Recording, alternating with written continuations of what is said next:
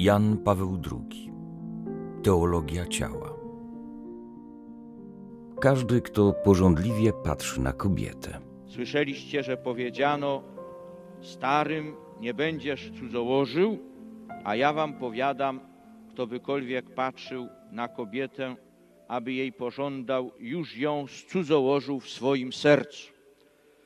Otóż dzisiaj dochodzimy poniekąd do samego sedna, do samego rdzenia tych słów Chrystusa.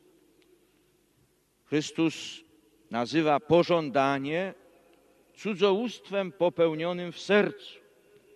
Musimy sobie zadać pytanie, w jaki sposób grzech cudzołóstwa, który jest grzechem ciała, staje się grzechem serca. To pytanie jest bardzo ważne, leży poniekąd w centrum nowego etosu, nowej moralności, tej, którą Chrystus głosi w kazaniu na górze.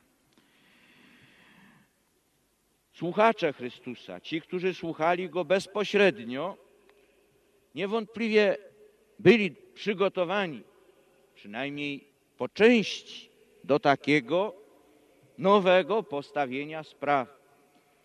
Przygotowaniem było na pewno także ich własne doświadczenie wewnętrzne, głos ich sumienia, ale prócz tego przygotowaniem były, była tradycja ksiąg mądrościowych Starego Testamentu. Dzisiaj na ten temat trochę już mówiłem. W dalszym ciągu ma to być tematem następnej środy. Ksiąg mądrościowych, które zajmowały się, można powiedzieć, psychologią, poniekąd psychologią moralności, uczyły, wychowywały ludzkie uczucie, uczyły zwłaszcza odniesienia mężczyzny do kobiety. Czasem przed tą kobietą przestrzegały, czasem ją chwaliły, jeżeli była wierną małżonką. W każdym razie teksty ksiąg mądrościowych, samej Księgi Mądrości, Księgi Przysłów, Księgi Kocheleta są pod tym względem bardzo wymowne. Niektóre z nich dzisiaj cytowałem.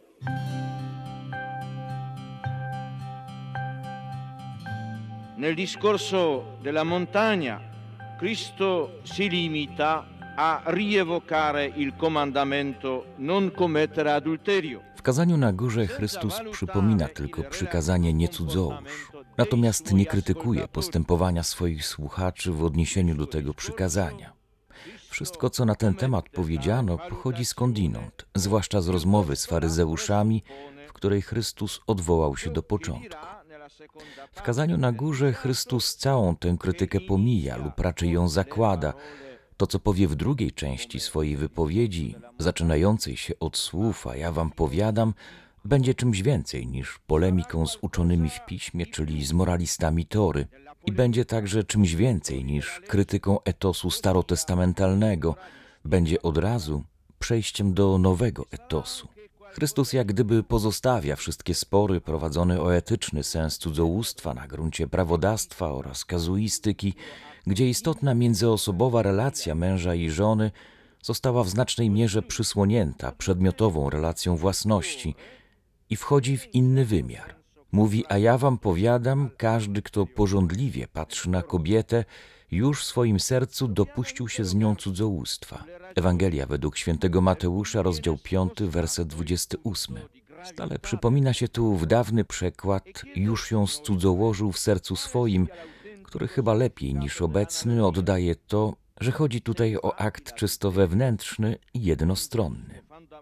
Tak więc cudzołóstwo w sercu zostało poniekąd przeciwstawione cudzołóstwu w ciele. Musimy pytać o właściwe racje takiego przeniesienia punktu ciężkości grzechu. Musimy również pytać o właściwe znaczenie analogii. Jeśli bowiem cudzołóstwo wedle swojego podstawowego znaczenia może być tylko grzechem ciała, w jakim znaczeniu to, czego człowiek dopuszcza się w sercu, zasługuje również na miano cudzołóstwa? Słowa Chrystusa, budujące podwaliny nowego etosu, domagają się znów gruntownego zakorzenienia w antropologii. Zanim podejmiemy próbę odpowiedzi na te wszystkie pytania, zatrzymajmy się przez pewien czas na zwrocie, które w słowach Ewangelii Mateusza, rozdział 5, wersety 27 i 28, dokonuje niejako tego przeniesienia czy też przesunięcia znaczenia cudzołóstwa od ciała do serca. Są to słowa o pożądaniu. Cristo parla della concupiscenza. Chiunque guarda per desiderare appunto questa espressione Chrystus mówi o pożądaniu. Kto pożądliwie patrzy. I ten właśnie zwrot domaga się odrębnej analizy dla zrozumienia całości wypowiedzi. Wypada tutaj oczywiście nawiązać do uprzednio już przeprowadzonej analizy, która miała na celu niejako rekonstrukcję obrazu człowieka pożądliwości już o początku w dzieju. Porównaj Księga Rodzaju, rozdział trzeci. Ów człowiek, o którym mówi Chrystus w kazaniu na górze, człowiek, który pożądliwie patrzy, jest niewątpliwie człowiekiem pożądliwości. I dlatego właśnie pożąda, dlatego patrzy pożądliwie, gdyż pożądliwość, a w szczególności pożądliwość ciała, stała się jego udziałem. Obraz człowieka pożądliwości, ten, który zbudowaliśmy na poprzednim etapie, ma nam obecnie dopomóc w interpretacji owego pożądania, o którym mówi Chrystus wedle Ewangelii Mateusza, rozdział 5, wersety 27 i 28. Chodzi zaś tutaj nie o interpretację jedynie psychologiczną, ale równocześnie teologiczną. Chrystus przemawia w kontekście ludzkiego doświadczenia i równocześnie w kontekście dzieła odkupienia. Te dwa konteksty niejako nakładają się na siebie i wzajemnie przenikają. Posiada to istotne i konstytutywne znaczenie dla całego etosu Ewangelii. Posiada takie samo znaczenie dla tej szczególnej treści, którą niesie w sobie wyraz pożąda czy pożądliwie patrzy. Servendosi di tali espressioni, il maestro prima si richiama all'esperienza. Używając tych wyrażeń, nauczyciel odwołuje się do doświadczenia i świadomości człowieka każdego miejsca i czasu. Język Ewangelii posiada uniwersalną komunikatywność, jednakże dla bezpośredniego słuchacza, którego świadomość była kształtowana na Biblii, pożądanie musiało się kojarzyć z szeregiem pouczeń i przestróg, jakie znajdował zwłaszcza w księgach o charakterze mądrościowym. Przestrogi przed porządliwością ciała, a także rady, mające na celu zabezpieczenie przed nią, pojawiają się tam wielokrotnie. La aveva un particolare interesse per l'etica Tradycja mądrościowa miała, jak wiadomo, szczególne znaczenie dla moralności i obyczajowości społeczeństwa izraelskiego. To, co w tych przestrogach i radach, jakie znajdujemy na przykład w Księdze Przysłów, Syracha czy nawet Kocheleta, uderza nas od razu, to pewna ich jednostronność. Przestrogi kierowane są nade wszystko do mężczyzn. Może to oznaczać, że są im szczególnie potrzebne. Natomiast kobieta jawi się w tych przestrogach i radach najczęściej jako okazja do grzechu lub wręcz jako uwodzicielka, której należy się strzec. Trzeba przyznać, iż zarówno Księga Przysłów, jak i Księga Syracha, obok przestrogi przed kobietą, przed jej uwodzicielskim wdziękiem, który prowadzi mężczyznę do grzechu, zdobywają się zarówno na pochwałę kobiety, która jest dzielną towarzyszką swojego małżonka, jak i na pochwałę piękności i wdzięku dobrej żony, która czyni szczęśliwszym swego męża. Pudica. Wdzięk nad dźwiękami skromna kobieta i nie masz nic równego osobie powściągliwej. Jak słońce wschodzące na wysokościach Pana, tak piękność dobrej kobiety między ozdobami jej domu. Jak światło błyszczące na świętym świeczniku, tak piękność oblicza na ciele dobrze zbudowanym. Jak kolumny złote na podstawach srebrnych, tak piękne nogi na kształtnych stopach. Wdzięk żony rozwesela jej męża, a mądrość jej orzeźwia jego kości. Księga Syracha, rozdział 26, wersety od 15 do 18 i 13. Nella tradizione sapienziale un frequente monito contrasta con suddetto elogio della donna moglie Z taką pochwałą kobiety małżonki kontrastuje w tradycji mądrościowej niejedna przestroga przed pięknością i wdziękiem kobiety, która nie jest własną żoną, jako źródłem pokusy i okazją do cudzołóstwa. Jej wdzięków niech serce Twoje nie pragnie. Księga Przysłów, rozdział 6, werset 25, a w Księdze Syracha, rozdział 9, wersety od pierwszego do dziewiątego, ta sama przestroga wypowiedziana jest jeszcze dosadniej.